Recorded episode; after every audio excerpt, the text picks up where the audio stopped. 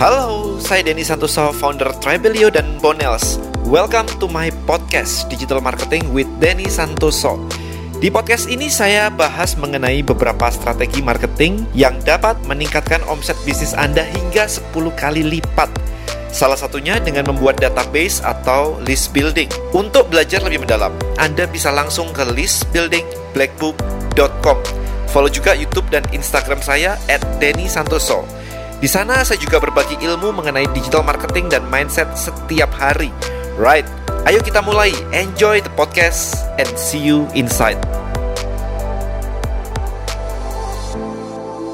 Alright, guys, ini ada sesuatu yang yang cukup menarik sih menurut saya sih. Jadi ini saya barusan lihat di Kompas, tekno.kompas.com. Microsoft akui penjualan konsol Xbox tidak pernah untung. Well, yes, saya main Xbox guys. Like seru banget ya. Jadi main sekarang zaman sekarang kalau main beda sama zaman dulu banget ya. Kalau sekarang main tuh enak banget koneksi ke internet juga udah oke. Okay. Kemudian untuk multiplayer juga langsung gitu. Uh, saya main dengan adik-adik saya. Anyway, saya pengen meng-highlight bahwa kenapa sih Microsoft menggunakan strategi seperti ini. Ya, jadi ini yang kemarin sempat saya singgung ketika ngebahas tentang funnel, ketika ngebahas tentang um, kalau misalkan ada perang harga di marketplace, kemudian apa solusinya. Nah, ini ini cukup menarik nih.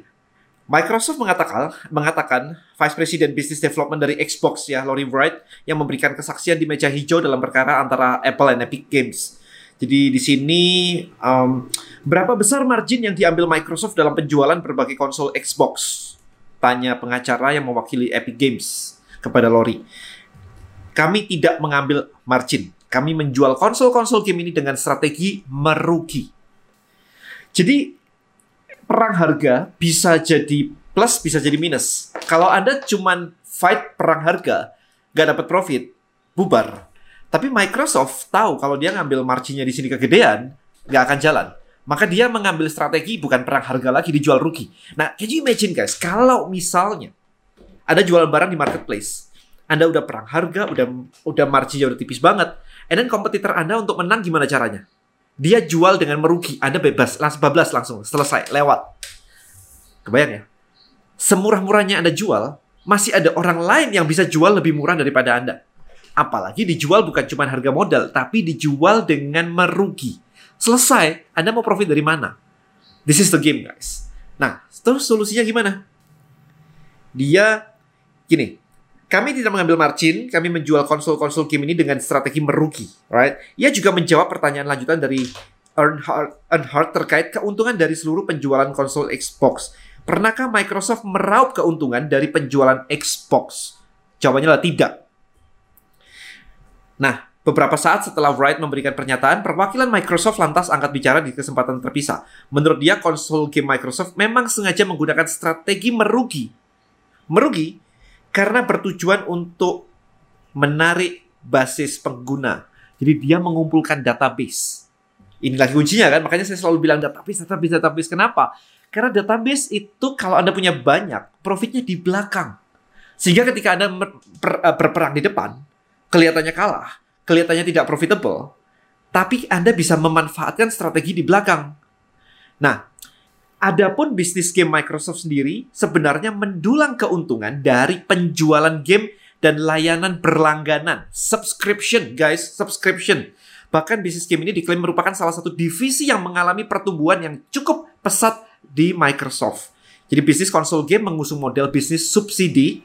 Keuntungan sendiri berasal dari penjualan game dan layanan berlangganan online, kata juru bicara Microsoft.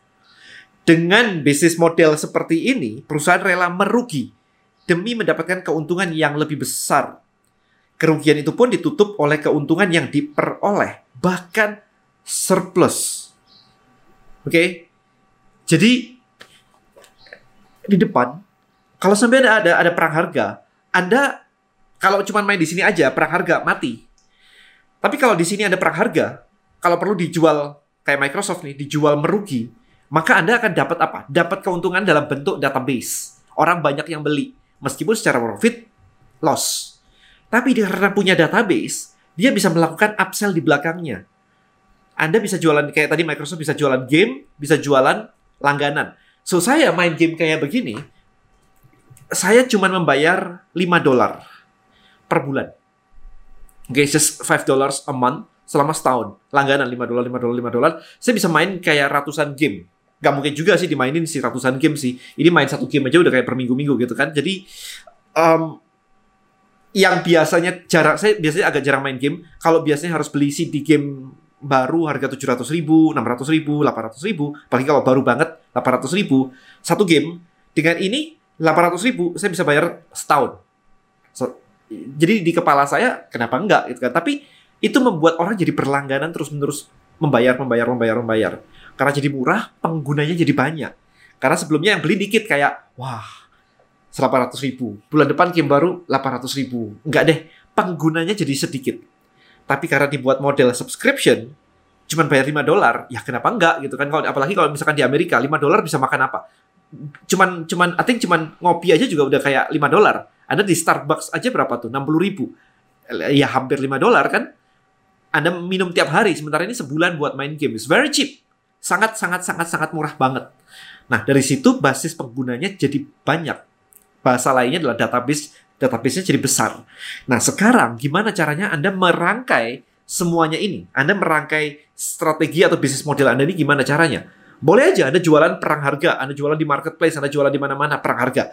Tapi dapatkan database-nya sehingga habis itu Anda bisa mengolah di sini. Anda bisa jualan upsell-nya, anda bisa bikin langganan semuanya itu. Barulah secara ke keseluruhan ini menjadi sebuah keuntungan bisnis Anda. Nah, ketika ini sudah sudah profitable kayak begini dan di depannya perang harga, kompetitor akan bubar semua kan karena di perang harga ya ya ancur-ancuran gak ada profit margin. Sementara Anda di belakangnya profitable. Nah, kemarin saya barusan posting kan di Instagram saya gimana caranya melawan uh, melawan perang harga dan ini adalah salah satunya dan Microsoft pun melakukan hal yang sama dengan strategi di depan merugi, bukan perang harga lagi, benar-benar perang harga sampai merugi. Perang harga itu tidak hanya terjadi di marketplace di Indonesia saja, di seluruh dunia. Even Microsoft juga ngalamin ini. Sehingga daripada pusing, daripada berteriak bahwa perang harga ini harusnya tidak ada perang harga, orang harusnya ngasih value whatever, dia bisa memanfaatkan kondisi ini menjadi sebuah strategi bisnis yang malah menguntungkan. Balik lagi, Anda harus ngerti bisnis, Anda harus ngerti bisnis model sehingga bisa melihat end to end, ujung ke ujung. Tapi kalau Anda cuma bisa melihat depannya doang, perang harganya doang, kalau on, kalau di otak Anda hanya mikirin tentang gimana jualan saja, bisnisnya nggak pernah dibuild, ya struggling. Karena perang harga nggak akan selesai kayak dalam waktu dekat aja. Sampai kapan pun juga pasti tetap ada. Ini tinggal kreativitas Anda untuk bisa menang dari perang harga.